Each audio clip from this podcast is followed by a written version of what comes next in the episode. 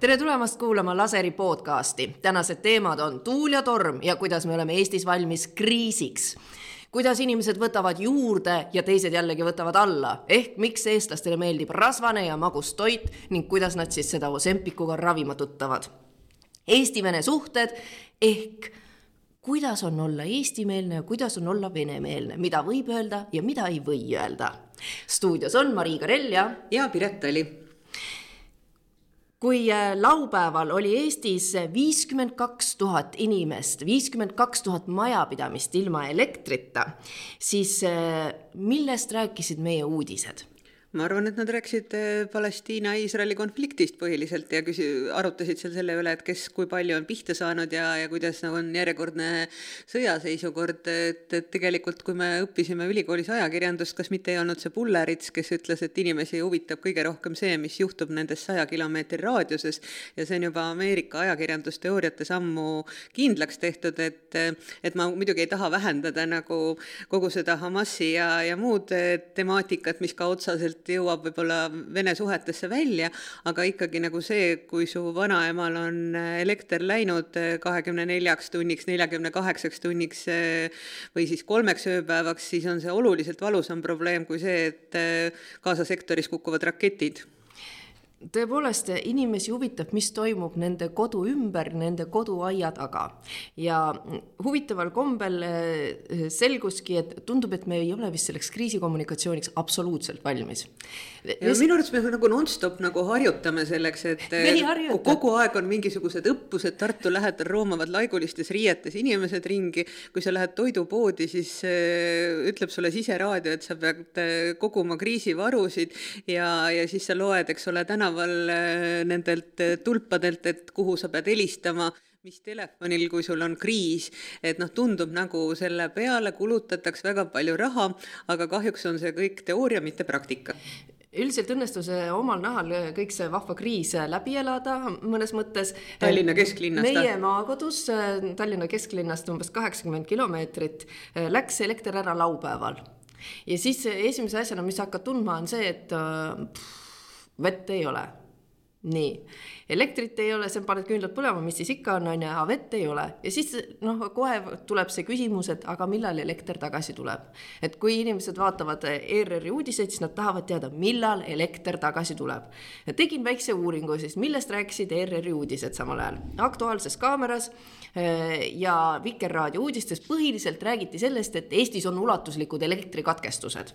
see oli number kaks uudis peale seda Gaza sektorit on ulatuslikud elektrikatkestused, siis oli, äh, keegi lõikas mingid puud kuskil ära, tegi, tegeleti likvideerimisega, Elektrilevi mees ütles, ja me kõik siin õudselt higistame, on ju, muudkui likvideerime neid asju ja sellega asi piirdus.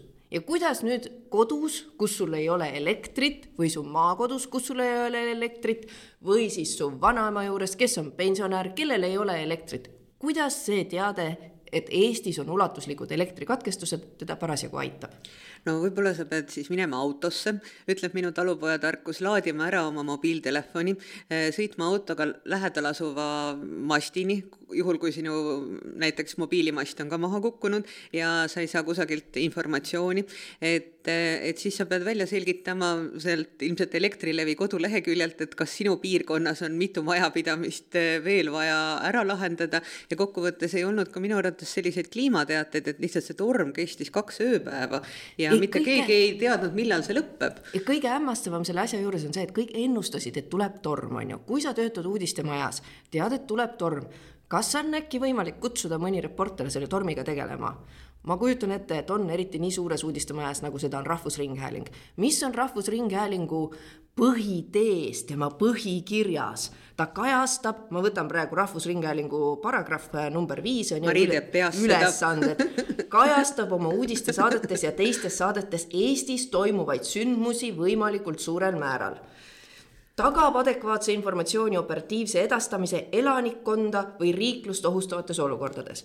No, kas elekter puudub, kas see on nüüd elanikkonda ohustav olukord või see ei ole? äkki meid ohustab hoopis Gaza sektor ma mõtlen, et kas, kui raske on Elektrilevi käest küsida, mitu alajaama täpselt väljas on? mis järjekorras te neid parandama hakkate, et inimesed saaksid siis vastavalt sellele, kus nad elavad, arvutada ja mõtiskleda, ahaa, näed sa, mingisugune sada alajaama on, minu oma on siin, kuhu nad jõuavad kolmekümnendani. järelikult ilmselt ma pean siin natukese pikemalt ilma elektrita vastu pidama kui paar tundi, sest see kõik on ju arusaadav, et on torm, on ju, see on arusaadav, et ei jõua kõike ära parandada. Mis mu etteheide on see, et lihtsalt Rahvusringhääling ei tegelenud inimeste informatiivse ja info siis edastamisega nojah, kui, kui me õpetame inimestele kriisikommunikatsioonis, et teil on äh, vaja patareidega raadiot, no et mis seal siis nagu sellest patareidega raadiost igal täistunnil kosta oli, sealt ei olnud mitte midagi kosta. et selles mõttes äh, sellist informatsiooni, mis oleks inimesi edasi aidanud, et kokkuvõttes mul oli sellest Elektrilevi kõneisikust siiralt kahju, kes ütles, et jah, meil on torm ja me puude otsa ei saa minna ja elektriliinideni me ei jõua, sest äh, teed on maha langenud puid täis ja, ja siis kogu kommunikatsioon kommunikatsioon oli see, et võib-olla on parem, kui ta üldse nagu välja ei lähe ilma tungiva põhjuseta. et, et kui palju merevesi tõuseb, kus tõuseb, kus olid kõik nagu kliimaennustajad, et ma ei tea nagu ühtegi uudistesaadet, kes oleks jõudnud sellega tegeleda, et noh, ma saan aru, et televisioonis võib-olla peab kaamera aega planeerima ja, ja noh, see ei ole ka tänapäeval raketiteadus, kui iPhone idega filmitakse. aga, aga raadio oleks võinud seda ju noh, oluliselt rohkem teha. või siis teine variant on see, et eh, ongi nagu eh, siis avalik-õiguslik kanal on mõnes mõttes nagu sellises eh, vaikses stagnatsioonis ulpimas, et noh, ei pea väga palju asjade pärast vaeva nägema. et noh, sul võib see patareiraadio olla, aga sa võid sealt kuulata Luikede järve patareidega raadiost tuli tõesti nostalgia muusikat päev läbi ja mitte midagi ei oleks juhtunud, kui seal mõni saade oleks natukese lühem olnud ja natukesel rohkem oleks pühendatud alajaamadele ja elektri tagasitulekule aega. ühtlasi juhtus see, et kadus ära ka internet. kui sa oled täiesti maal, metsa vahel eh,, sul ei ole ei elektrit ega internetti, siis on ikkagi väga raske aru saada, millal nüüd normaalseks maailm tagasi läheb, on ju et kust see info siis täpselt tulema saab. et eeldada, et ma lähen mingile kodulehele ja hakkan sealt uurima noh, see ei ole reaalne. inimeste Pensionärid... oskus Elektrilevi kaarte lugeda maakondade kaupa on ikkagi väga keeruline ja, ja peab tunnistama, et kas ma eile õhtul vaatasin seda Elektrilevi kaarti ja noh, vaadata, kus maakonnas sa täpselt asud, noh, need eraldised ei olnud väga täpselt tuvastatavad ja kas sa oled nagu mis järjekorras nagu parandatava elektriliini ulatuses, et noh, see kaart oleks võinud olla lingitud igale poole ja, ja et sa oleks võinud seda nagu noh, interaktiivselt jälgida ja oleks võinudki olla nagu kriisi kriisikommunikatsioon, et no kus meil kõik need spetsialistid nüüd siis olid nädalavahetusel, kas nad olid saunas, kas nad olid vaiksel grillpeol või olid toredal väljasõidul spaasse, kus oli veel elekter, et, et meil ju on tohutult igasuguseid kriisispetsialiste, et miks nad ei rakenda ennast siis toimivas kriisis, et see oli nii hea kriis, et seda oli väga kahju nagu kaotsi lasta, et sellest oleks võinud õppida, millest oleks abi mingisuguses teises ja uues ja võib-olla hullemas kriisis. just nimelt õppusteks oleks saanud seda ju ideaalselt kasutada, sest inimestel oli janu info järele, nii, kui me ei õpeta inimesi, et sa tegelikult saad ERR-ist täistunnil ja pooltunnil uudiseid selle kohta, kuidas erakordses olukorras oma kodus hakkama saada, siis nad ei tee ka seda patareidega raadiot lahti. sul ei tule see teadmine lihtsalt kuidagi pähe, kui sul ei, kui sa ei tea, et see Rahvusringhääling täidab seda normi. ta ei täitnud seekord, eks ole.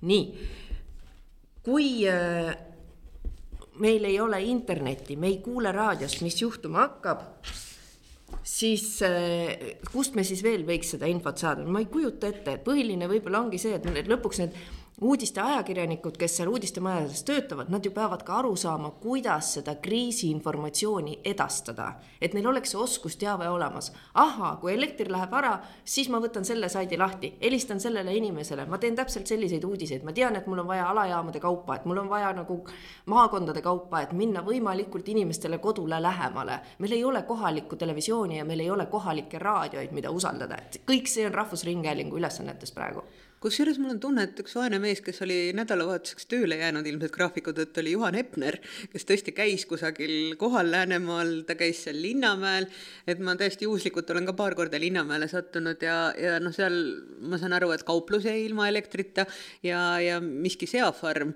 kus oli ka tohutu probleem ja, ja, ja siis ka kortermajade kõrvale, kus vesi ei töötanud, elekter ei töötanud, küte ei töötanud, toodi siis kuivkäimla ja noh, põhimõtteliselt üks mees hoidis kogu seda avalikku avalik-õiguslikku funktsiooni üksinda oma kahe käega üleval ja ühtlasi oli ka ainus, kes otse lülitus kusagilt äh, sadamast ja, ja vaatas, kuidas see torm seal töötab, sest äh, kui ma viimati uudistetoimetuses töötasin, siis ma mäletan, et üks ankur peksti igal juhul Merivälja muulile tormiga ja vaadati, kas ta saab märjaks ja pärast lubas uudistejuht tema ülikonna välja maksta. mõlemat Juhan Hepneri reportaaži nägin ja ma sain aru, et ta tegi selle maakonna reporterina kõik, mis tema võimuses, et ta läks mingisse Aga kohta, kus oli, oli kriis, on ju, et ta oli siis Haapsalu sadamas, istus seal kott pimedas, ütles, et ei tea, millal elekter tuleb, ei tea, millal laevad sõitma saavad hakata. või siis oli seal Linnamäel tõesti, kus oli poes elekter ära läinud, aga probleem on selles, et need kaks üksikut näidet emotsionaalselt loomulikult ilustavad seda pilti, aga ta ei muuda praktiliseks seda infot nii et kui sa oled seal nagu kõrvalkülas, siis see, kas Linnamäel on kuiv käimla ja generaatoriga saab tund aega endale akusid laadida või ei saa, see mitte kuidagi sind ei aita. mis äh, siis nagu noh, lõpptulemus on see, et inimestel, pensionäridel näiteks nemad ju varuvad endale toitu külmkappi nii kui sul sügav on külm ja, ja terveks talveks. ja praegu on just niimoodi, suvi on lõppenud, sul sügav külmik on igasuguseid asju täis. hea pensionär sa... on nagu orav ju ja mitte ainult. ja siis sul on kõik need marjad ja asjad, mis sa oled sinna oma väikeste kätega pannud, on ju, tallele, et sul oleks palju vitamiine talvel ja siis sa näed lihtsalt, kuidas see hakkab sulama ja mida sa teed siis no ma saan aru, et siis vaprad noored sugulased tormavad appi, külastavad veel mõnda poodi ja ostavad generaatori, ma ei tea, kuidas muidugi eelmine kord, kui Võru linn oli ilma elektrita mingid mõned aastad tagasi, siis ju ka generaatorite läbimüük ümbruskonnas tõusis, et kokkuvõttes ma arvan, et eestlased on harjunud mingil määral ise hakkama saama, et nad ei arvesta selle riigi toega ja riik on seda kommunikatsioonis ise ka öelnud, et kuulge, et teie varuge omale toiduvarusid, meil toiduvarusid ei ole. Teie tehke seda, teie tehke kolmandat, et noh, ma ei tea, kui paljudes nagu elamistes tegelikult on see generaator olemas. mina näiteks oskan igasuguseid asju teha, kaasa arvatud lehmalüpsmine, aga generaatorit ma ei ole küll kunagi kasutanud. generaatorid ei ole üldse odavad, generaator maksab viissada eurot, on ju. no maksab sadades eurodes see generaator, et, et aga et noh, see ei ole nagu asi, asi, mida sa ostad nagu võid või leiba. üldiselt, kui sa oled pensionär, siis sa ei taha viissada eurot generaatori peale panna, on ju. et kas meil on siis olemas mingi meede, et me kujutame ette, see torm hakkab edaspidi olema palju sagedamini. kliimamuutused Eesti jaoks tähendab seda, et siin ei lähe soojaks, vaid siin hakkavad üha sagedamini olema tormid. see tähendab, et maapiirkondades meil on hajaasustus, see kõik ei tule üllatusena meile. me teame, et see läheb ära elekter edaspidi ka, on ju. kuidas me näeme nüüd ette, et siis inimesed hakkama saavad? okei okay,, nad peavad ise hakkama saada, aga kas on võimalik tekitada mingi süsteem, et kui sa oled vaene pensionär, sul ei ole võimalik viiesaja euroga generaatorit osta? Või veel parem mingisugust seda mm, akulaadijat äh,, akupatareid, mis siis nagu salvestab energia selleks puhuks, kui sul seda vaja on ja siis kasutab seda, kui ei ole parasjagu elektrit võrgust tulemas ma ei näe, et me üldse nagu tegeleks selle ettemõtlemisega, et mis edasi saab. ma lihtsalt igaks juhuks võtsin välja elanikkonna kaitseplaani, et mis meil siis nagu riigis tehtud on, et arvestades seda, et me elame siin Venemaa kõrval, meil on agressorriik on kohe Peipsi järve taga, on ju, et mis on meie elanikkonna kaitseplaan. sest ausalt öeldes selles kriisis hakkas tunduma, et sellel kaitseplaan puudub.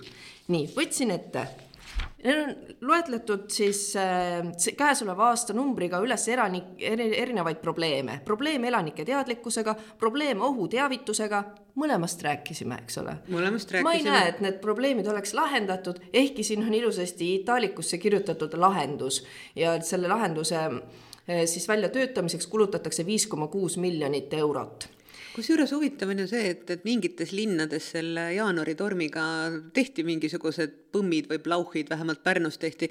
ma kahtlustan, et nad ei ole pärast seda mitte kordagi tööle pandud ja kas nad üldse töötavad, et noh, see raha ju kaob kuhugi, eks ole. ja loome sireenidel põhineva ohutusteavitussüsteemi, neli koma kuus miljonit eurot mitte midagi sellega ei ole tehtud, ei ole loodud mingit süsteemi. probleem varjumisega nii, puuduvad elanikkonnale mõeldud avalikud varjumiskohad. valmistame ette avalikud varjumiskohad Tallinnas, Tartus, Pärnus ja Narvas. et äh, jällegi kaks miljonit eurot püsirahastust aastas, aga me teame, et tegelikult ju neid varjendeid ei tehtud, vaid kleebiti kolmnurgad Vabaduse väljaku parkla alla, mis ei ole tegelikult mõistlik varjumiskoht. sa ei saa varjumiskohaks nimetada mingit koobast, millel puudub võimalus ähm, tualettideks, eraldi e, eristumiseks, sellepärast et väga sage on see, et kui inimesed lähevad varjumiskohta, siis seal hakkab nagu üks, üksteise kiusamine, inimesed loomastuvad, see on väga sagedad, see on vägistamised, meestel ja naistel on vaja teha varjumispaigad, kus on võimalik neile eralduda, mitte nii, et arvan, nad istuvad kõik koos. tegelikult noh, muidugi ma ei tea, kui palju sellest eh, kuuest või kuue koma kuuest miljonist jaguks, et ma arvan, et tegelikult peaks Tallinnasse metroo tegema et mõtle, kui palju, et sul lahendaks mitu probleemi, et, et lahendaks liikluskaose, eh, muidugi ajutiselt süveneks, aga teisest küljest oleks jälle varjumispaiku palju siis siin on veel probleem kohalikul tasandil kriisideks valmistumisega. puudub riiklik toetusmeede omavalitsuse tasemel varude soetamiseks ja muudeks tegevusteks. no vot just, sellest ka rääkisime, on ju. esiteks kohalikele ei jõua sinna info, teiseks meil puudub igasugune arusaam, kuidas need pensionärid peaks hakkama saama, kellel ei ole raha generaatoriks või kus, kellel noh, ei tule seda elektrit ega sooja ega vett kuskilt. enamik maapidamis, maakohtasid tänapäeval on ju ka pumpsüsteemiga Äh, veesüsteemidega, mis tähendab seda, et kui elektrit ei ole, siis vett ei tule. ei no aga kokkuvõttes ju eelmises kriisis, kui oli koroonakriis, et siis inimesed äh, kuidagi mõtlesid kogu aeg selle peale, et oo, me läheme linnast maale, siis me oleme pääsenud, et meil on seal äh, ahi, mida me kütame, eks ole, meil on seal kaev, mida me saame kasutada. et, et noh, kokkuvõttes mul on tunne, et mõned mõnes osas inimesed on tingimisi juba sellega arvestanud, et elekter ei ole selline igapäevane luksus, et, et võib-olla ikkagi noh, tuleb äh, jääkeldrid ja sahvrid jälle nagu hinda tõsta, et see muidugi ei lahenda sügavkülma probleemi, aga kui sa järjestad need probleemid siis, mis teie vanaemal olid, eks ole, et mis siis on nagu hullem, kas on hullem nagu infopuudus, kas on äh, äh, see teadmatus sellest, millal see kriis laheneb, või siis on teema selles, et et eh, kogu tema talvevarude pool, mida ta on hoole ja armastusega kogunud, siis eh, muutub täiesti kõlbmatuks. lõppkokkuvõttes ma näen, kõige suurem probleem on täielik teavituse puudumine et sa saad ise üksikisiku tasandil väga palju asju ära teha, kui sulle antakse piisavalt infot, mis seisus me parasjagu oleme, kuhu me edasi liigume. isegi kui ei tea, millal saab täpselt eh, elekter tagasi toodud, siis saab öelda, kui palju mitu alajaama, kus kohas, mis järjekorras neid töid tehakse, saab palju detailsemat infot anda.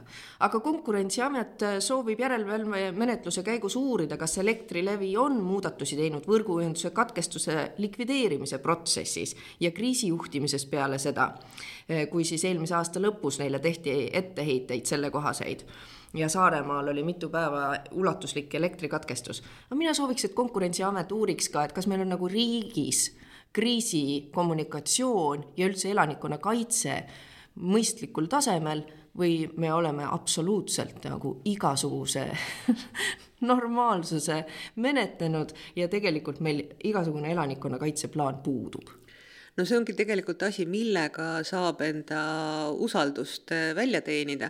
et, et sul tekib harjumus äh, saada informatsiooni kindlast kohast, et sul on see patareiraadio olemas kindlal eesmärgil, et sa keerad selle siis kas äh, Vikerraadio lainepikkusele või Raadio Tallinna lainepikkusele, mida hoitaksegi kriisiolukorraks.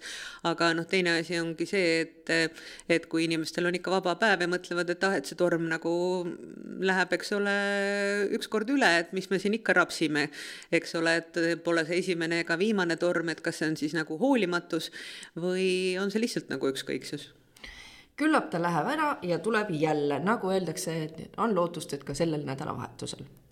aga mm, inimestel igapäevaste tegevuste hulka kuulub ka söömine ja väga Ma... paljudel mittesöömine ja see teema saab tegelikult alguse sellest, et selle nädala laseris meil on lugu ultratoidust ja ülitöödeldud toidust, mis tähendab seda siis, et et sa sööd ainult šokolaadi, külmutatud pitsasid, tšipse, küpsiseid. mis šokolaadis halba on? ülitöödeldud on mis mõttes see alatöödeldud šokolaad on ka olemas või? ei no on olemas need nagu tšipsid või? ei, šokolaadi, no te tehakse ubadest, on ju. vaata, kui sa šokolaadi näed, sa tegelikult ei saa aru, millest see tehtud on. no seal on mingi rasv ja siis kakaod ja mingi reegelt magus. ei maksa sellesse kinni jääda, sest tegelikult suurem probleem on see, et inimesed söövad kiirnuudleid, purgisuppe ja siis eh, pakendatud pihve. ma huviga jälgisin sind, eh, kuidas sa seda kõike tegid ja mul olid silmad õudusest grillis, kui ma vaatasin, kuidas eh, Marii sööb viinereid. Marii sööb külmutatud pitsat, Marii sõi mingisuguseid toite, mida saab poest osta, mis oli mingisugune jube supp, millest ma sain pool endale, mingi borš äkki või? tead, ei maksa siin viinereid üle demoniseerida, sest viinerid tegelikult on eestlaste lemmiktoit, et mullu müüdi Eestis seitse tuhat seitsesada tonni viinereid. Eh, ehk et viinereid toodeti kokku üheksateist miljoni euro eest. Mis iseenesest näitab seda, et inimestel on kiire, nad tahavad saada kiireid lahendusi, ostavad neid ülitöödeldud toite. nüüd see ülitöödeldud toiduga on see probleem, seda väga raske kuidagi nimetada, aga viiner ta on, kiirsupp ta on, on ju, ehm, valmis pihvid selles pakendis, need on ülitöödeldud toidud kõik, kui sa ei saa aru, mis on see algne toitaine, mis sellest tehti. ja nüüd, kui sa seda iga päev sööd, siis sa ootamatult avastad, et sa sööd viissada kilogrammi päevas. kilokalorit. viissada kilokalorit päevas rohkem ja sellega sa hakkad hästi kiiresti juurde võtma. Ja see ei ole üldse tervislik. Aga see nii-öelda ultratöödeldud toit, see on nagu mujal maailmas on äh, palju rohkem demoniseeritud kui Eestis, et Eestis kuidagi on veel jätkuvalt selline äh, kapitalismi aja alguse teadmatus nagu erinevate toiduainete sisaldusest, et inimeste toitumisteadlikkus ei ole väga suur, aga see ultratöödeldud toidul on mingi inglisekeelne termin ka, et sellest on terveid raamatuid kirjutatud ju, eks ole. ta ongi ultra processed food ja tast on tõesti raamatuid kirjutatud, aga et, et miks ja kuidas me näeme, et see igapäevases toitumises on, on see, et kui minna toidupoodi, vaadata, mida inimesed ostavad, siis sa näed seal väga palju pakendeid ja, ja valmistoitu. Eestis on ehm, ülekaalulisus eh, sama suur probleem kui ükskõik millises teises riigis, et kui me siin kümme aastat tagasi võisime rääkida, et ameeriklased paksud, siis nüüd on Eestis ülekaalus viissada tuhat inimest. viissada tuhat inimest ja kakssada tuhat neist on rasvunud, mitte lihtsalt ülekaalus, vaid ikkagi rasvunud. ja kaal hakkab inimestel tõusma juba kaheksateist, kahekümne nelja aastasena meestel ja naiste kehakaal hakkab normist eemalduma keskmiselt kahekümne viiendal eluaastal. aga minu arvates ka lapsed on erakordselt paksud, sest peab tunnistama, et mina selle ultratöödeldud toidu avastasin tead millal. ma avastasin selle siis, kui koroona ajal oli koduõpe ja koolist anti toidupakke ja kokkuhoidliku inimesena eh, ma võtsin kõik need toidupakid välja ja, ja peab tunnistama, et need purgisupid, beefid, viinerid, ülimagusad jogurtid, noh, nad ei olnud harjunud neid sööma et mitte, et me oleme erakordselt nagu teadlikud ja, ja noh, koolitoidus neid ka kasutatakse ja, ja noh, valget saia sellisel määral ei ole me ka kunagi söönud. et, et siis mulle kuidagi mõjus see nagu silmade valgustamise hetkena, aga et noh, ma arvan, et tegelikult äh, laste ja noh, kõik need imelikud taignasegud, mida seal anti magustoitude jaoks äh,, ma ei tea, mingi leivasupivaht ja pärmitaigna pulber ja pannkoogipulber ja, ja noh, kõik see oli minu jaoks täiesti uudne asi, sest ma ei olnud eladeski niisuguseid asju ostnud. laste statistika on selles mõttes väga nukker, et iga neljas laps äh, algkoolis ehk siis esimene kuni kolmas klass on ähm, ülekaaluline või rasvunud ja selleks ajaks, kui nad jõuavad neljand-, neljal neljandasse klassi. selleks ajaks, kui nad jõuavad neljandasse klassi, on iga kolmas laps juba ülekaalus või rasvunud ja teadlased on mitmete uuringute kaudu teinud kindlaks, et põhjus, miks maailmas on ülekaalu epideemia, peitub just neis samades ülitöödeldud toitudes no aga need on need hellad vanemad, kes ostavad kogu seda rämpsu kokku või siis teine variant on laste piiramatu taskuraha. et eh, kui sa lähed eh, keset päeva, kui koolides lõpeb eh, koolipäev, mõnda ühistranspordivahendisse ja see lebra, mis seal tuleb nagu krõpsudest, võileibadest ja kõikidest nendest magustatud jookidest, on nagu täiesti kohutav. mul on tunne, et see on nagu ainus asi, mille nimel see noorus tänapäeval elab ja hingab, et pääseda nagu pärast kooli poodi või koolipuhvetisse ja ja siis saada kogu see rämps seal kätte ja endale kiiresti nagu sisse ahmida. sest noh, minu arvates nüüd on hakatud ka tegelema selle koolipuhvetite toidu tervislikumaks muutmisega. et aga mis neid nagu siiani katke- äh,, takistas siis direktoreid minemast sinna koolipuhvetisse ja öelda, et kuulge, sorry, minu arust ei ole okei okay,, et te neid tšipse siin müüte ma ei tea, kas direktorid üldse oskavad seda demoniseerida, et noh, noh, lapsed tahavad müüa, siin firmal läheb hästi, noh, mis me siis ikka, eks ole, et noh, Eestis on ikkagi ju noh, ärihuvid sageli nagu e, esimeses järgus ja noh, vanemad kui sa vaatad eh, seda, kui palju nagu peaaegu täiskasvanud lastega emad üritavad sportimas käia juba koroona ajast peale, siis see on muutunud nagu enam, enam kui naeruväärseks, et niisugune vuntsi udemega nooruk, eks ole, siis emaga käib õhtul kohustuslikus korras jalutamas ja noh, sa näed, et see nooruk on mingi viisteist, kakskümmend kilo raskem, kui ta peaks. no vähemalt tublid emad. ja vähemalt tublid emad, aga noh, kas see kuidagi ei saaks toimuda mingil loomulikul teel, et, et nagu mingite teiste omasugustega või mingisuguses trennis viis, et, et see tegelikult see kaaluepideemia hakkab ju väga varakult peale.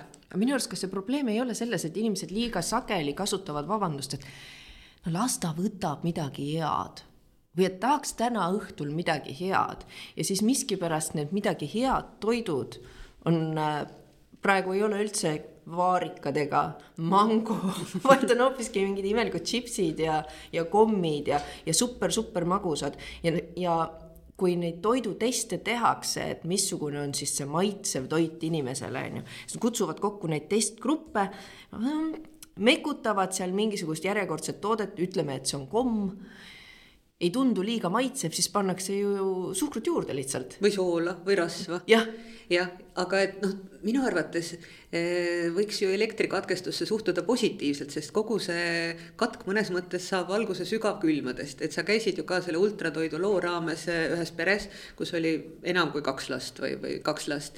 ja, ja siis, kus sügavkülmast võetakse kõiki neid eh, kananagitsaid, friikartuleid, külmutatud pitsat, lihapalle, noh, et põhimõtteliselt, et saaks kiiresti kalorid kätte, et noh võib-olla siis on kasulik, kui vahepeal need sügavkülmad tormiga üles sulavad, et inimesed hoiaks võib-olla sügavkülmas midagi mõistlikumat kui see ultratöödeldud toit, mis on siis nagu nii-öelda kiire lahendus, et a, lapsed ju muud ei taha et, et noh, kuidas siis see laste maitse areneb, et, et nad hakkaksidki sööma puuvilja, brokolit ja kõike muud sellist. aga selleks, et nad hakkaksid neid puuvilju ja brokoleid jälle armastama, on õnneks üks teine tööstus, siis äh, ravimitööstus välja töötanud äh, vahvad kaaluravimid ja no sellist äh, tohutut äh, börsihüpet nagu Taani firma Novo Nordiski puhul ei ole ikkagi tükk aega nähtud, see on vist sajandi edulugu, millest me räägime, kui me räägime semaglutiidil põhinevast ravimist Ozempic.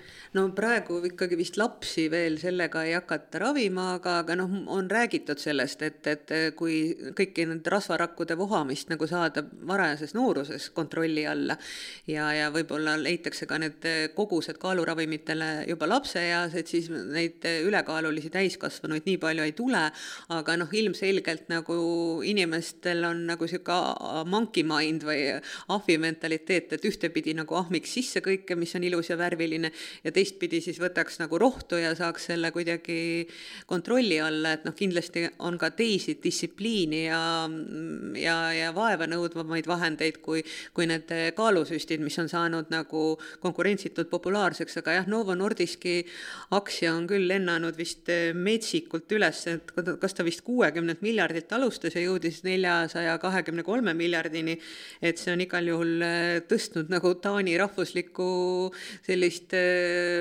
väärtust nagu tohutult eh, kõrgele. Taani riik konkreetselt kahekordistas Ozempiku edu tõttu oma riigi majandusprognoosi ja Ameerika perearstid eh, tegelikult tegid soovituse, et eh, perearstid võiksid hakata kaaluma siis semaglutiidil põhineva ravimi väljakirjutamist ka lastele, et nad ei saaks elu jooksul kõiki neid kaasnevaid haiguseid, millega siis, mis ülekaal endale, endaga kaasa toob. aga et me ei tea, et seda oleks veel massiliselt tehtud, aga selle semaglutiidi siis miks see töötab on see, et ta teeb midagi ajus ja ta võtab ära justkui söögiisu, et sa ei taha enam ahmida kõiki neid pringelseid ja asju sisse. sina, Piret, oled seda Ozempikut tarbinud. mitu kilo sa alla võtsid? praeguseks ma olen võtnud alla viisteist kilo. poole aastaga? Äh, jah, aprillist peale. kas sul on läinud ära igasugune isu äh, Pringlesite vastu vaata, ma ei ole Pringlesit mitte kunagi söönud, et, et noh, ma, ma ei ole ka nagu eriline viinerite ja magusatarbija ja šokolaad jätab mind ka täiesti ükskõikseks, ega noh, ilmselt on see olnud nagu totaalne laiskus ja lodevus, mis on viinud mu sellise kaalutõusuni, mis see oli. et äh, aga aga noh, nagu me jõudsime selles kevadises loos järeldusele, et, et noh, eks ta trikitab ajuga, et täiskõhutunne on see, mida see ravim tekitab ja.... et sul ei ole mitte ühegi toidu vastu huvi täiesti ära läinud? ei, absoluutselt mitte. aga sa suudad varem pidurdada seda, et okei okay,, ma rohkem söön, mul on kõht täis. ja, ja, ja aga et noh, selles mõttes, et see ainult see süst ei tekita nagu midagi, mm, kui sa ei muuda oma elustiili. ehk siis nagu ta töötab koos elustiili nõustamisega, mida ma olen siis ka diabeedikeskuses saanud. et see tähendab seda, et, et see noh, et sind nagu mõõdetakse, kaalutakse, see on mingis mõttes nagu noh, sarnane nagu kaalu jälgimisega.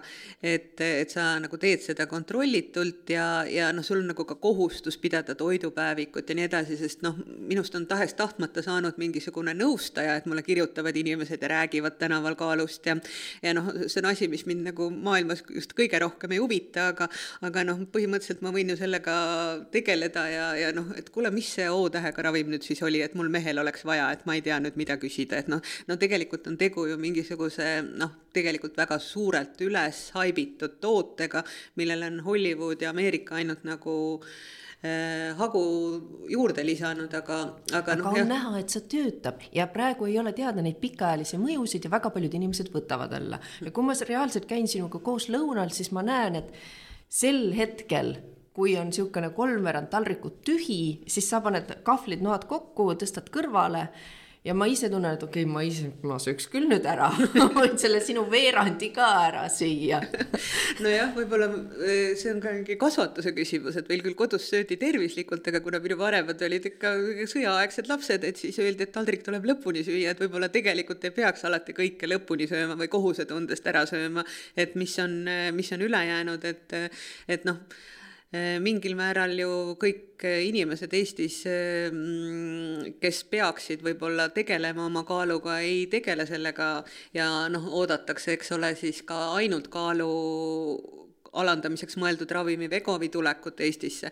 aga noh, praegu ikkagi me ei saa rääkida sellest semaglutiidist kui kättesaadavast vahendist, sellepärast et seda lihtsalt ei ole võimalik saada. üle maailma on see defitsiit, aga ühel hetkel see Novo Nordisk suudab kõik need sada tehast, sada tehast tööle panna ja seda piisavalt toota ja juba on rääkinud Pringlesi omanik, et ta kardab, et nende tšipse ostetakse vähem, sellepärast et inimesed võtavad seda semaglutiidil põhinevat Ozempikut või mingit muud kaaluravimit, et nad lihtsalt ei taha neid häid suurepäraseid rasvaseid krõpse nii palju, nagu neile kasulik oleks.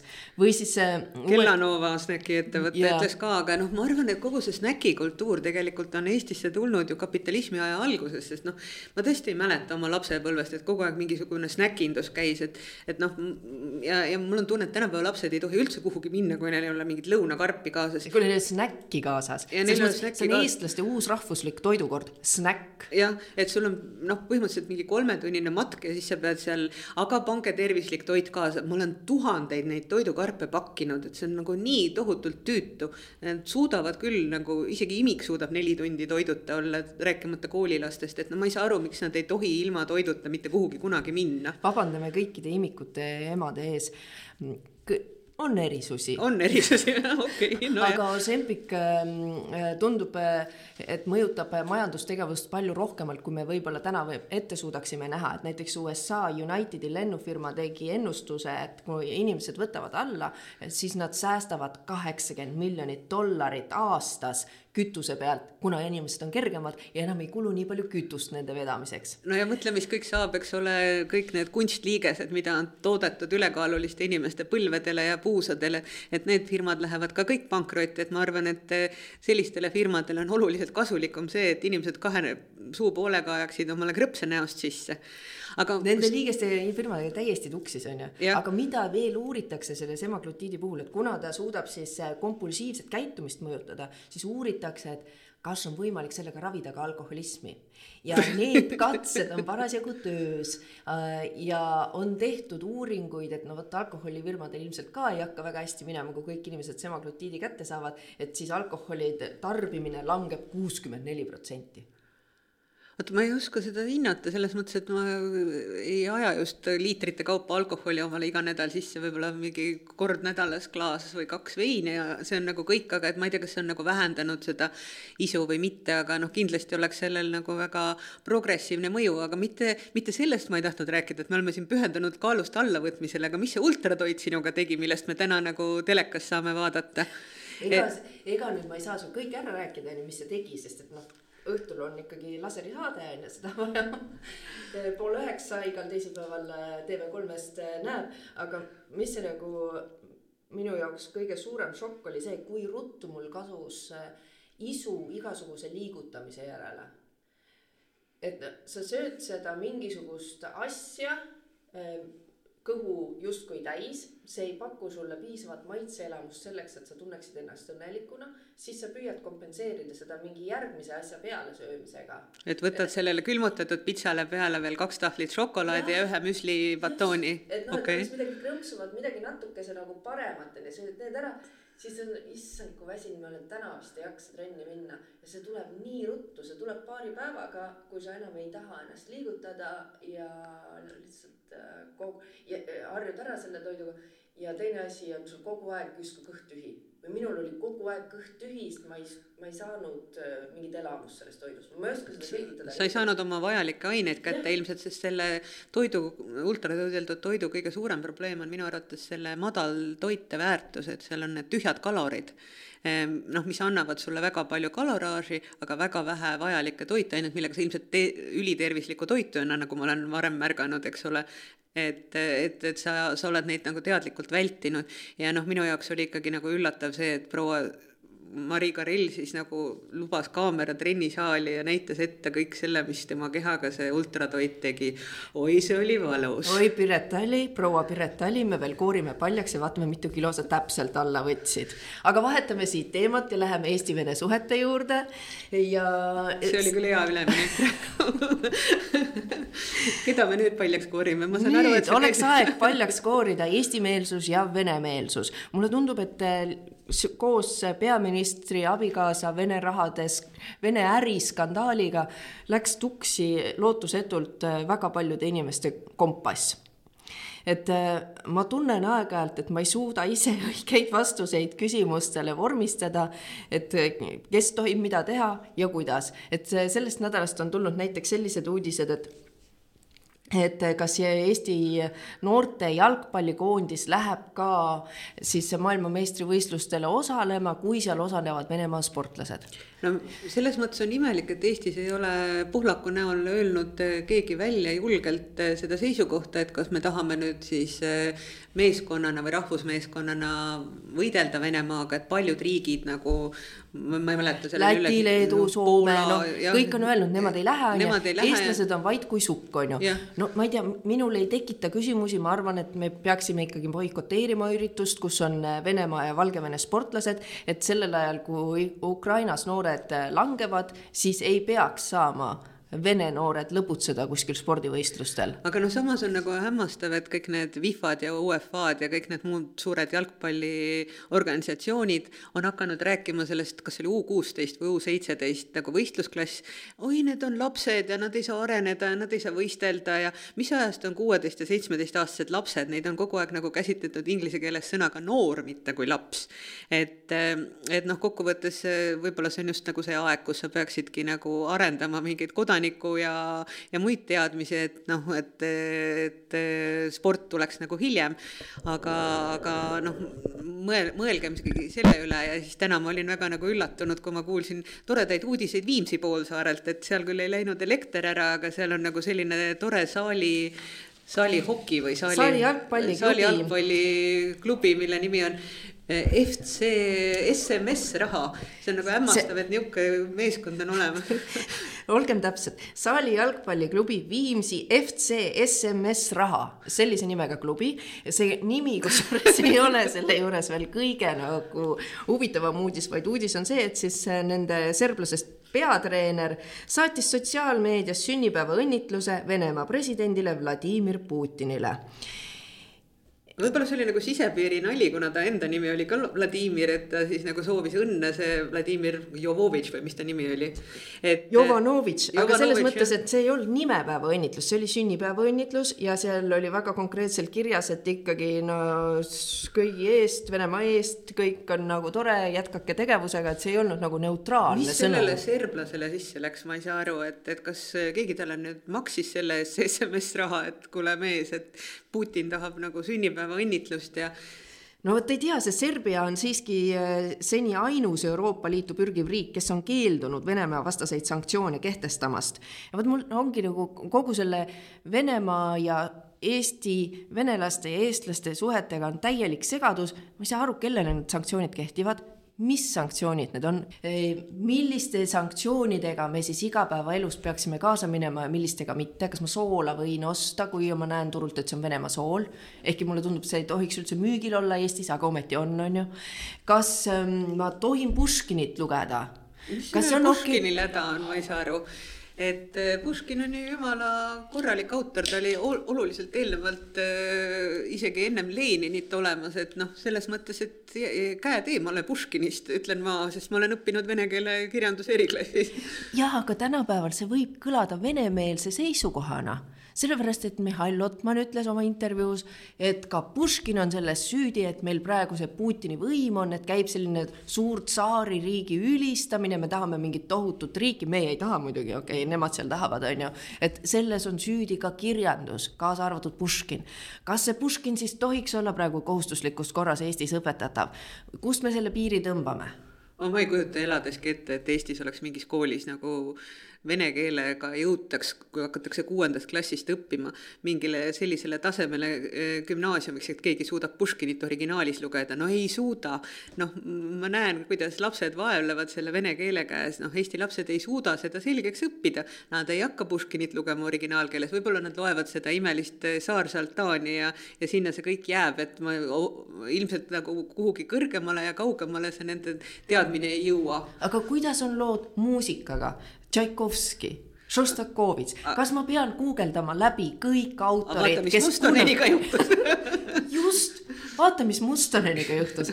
aga, aga, aga tõsiselt. Mustonin olen... ütles, et muusika on kõigest kõrgemal. üks päev ma sõitsin Kalamajas jalgrattaga, ta tuli mulle ühesuunalisel teel vastu, mina olin täiesti õiges suunas, ma sain aru, et ta on kõigest kõrgemal, kaasa arvatud liikluseeskirjadest aga vot, aga sellises olukorras me praegu elame ja ma tunnen, et nagu iga päev võiks keegi õpetada, mida ma pean nagu arvama oma moraalse kompassiga. et ma tunnen, et, et kuidagi võib-olla isegi liiga vähe on seda jutlust selle ümber, et mida siis ühest või teisest asjast arvata. ma arvan, et eestlased on olnud pikalt väga nagu alalhoidlikud, mis tähendab seda, et, et ei ole öeldud paljusid asju välja, mida oleks võinud ammu öelda, noh, kui me algame peale Narva tänavanimedest või eh, tanki monumentidest või millest iganes, eks ole, et, et noh, see segadus, mis on sinu või minu sees, on oluliselt väiksem võrreldes sellega, mida tunnevad eh, kohalikud venelased, sest eh, et Eh, nemad ju ühtepidi on neil vene identiteet ja, ja siis teistpidi nad on Eesti riigi kodanikud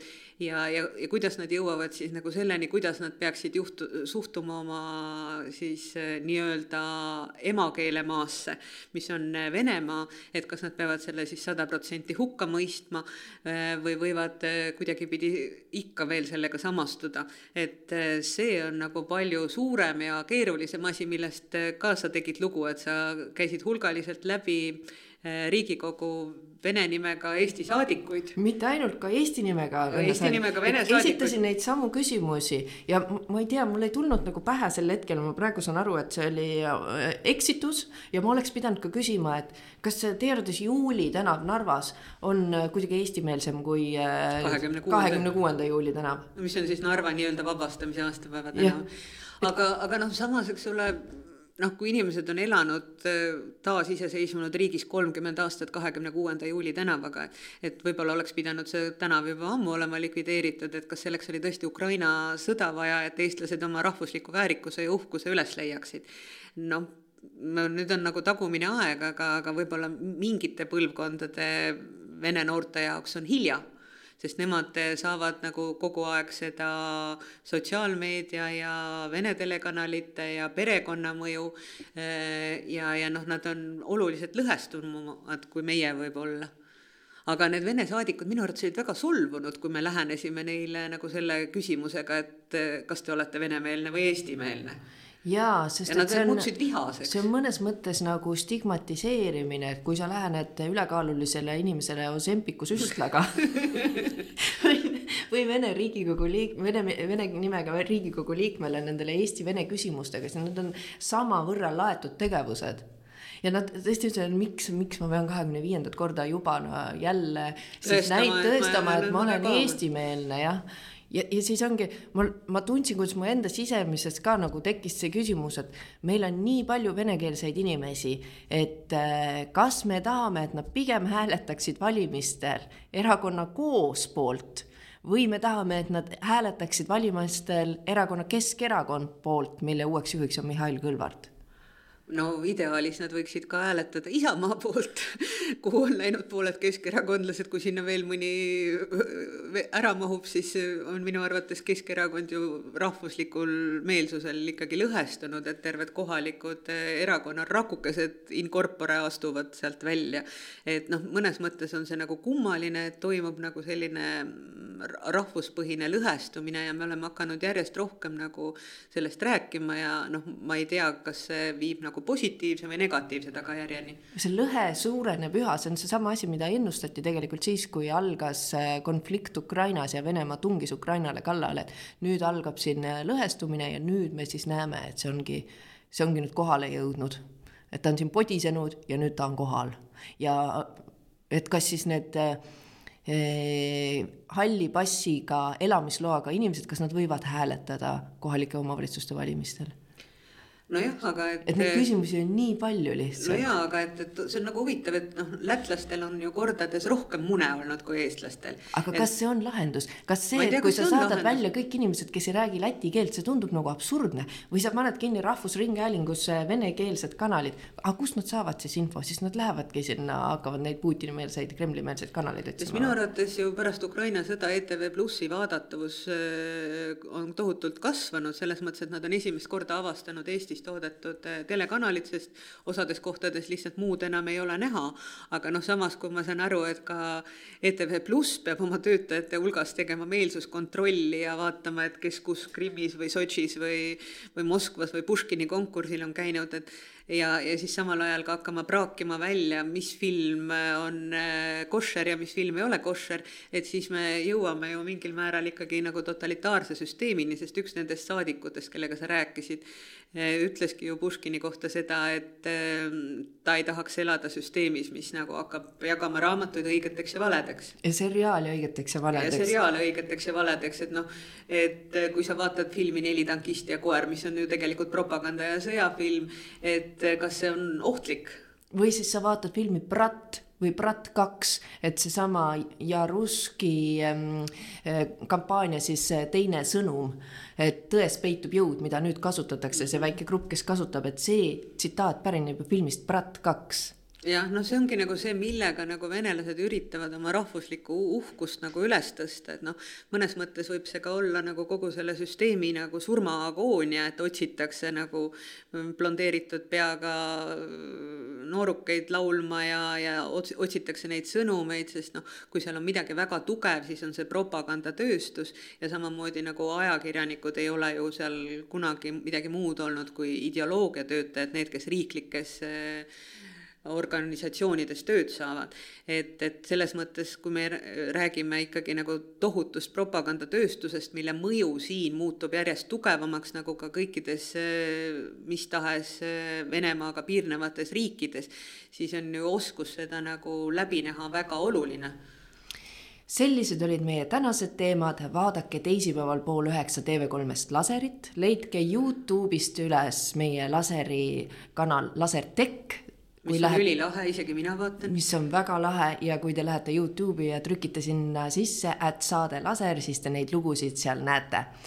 ja kohtume taas podcast ides, teleris või Youtube'is või sotsiaalmeedias või Tiktokis või Instagramis või Twitteris. kohtumiseni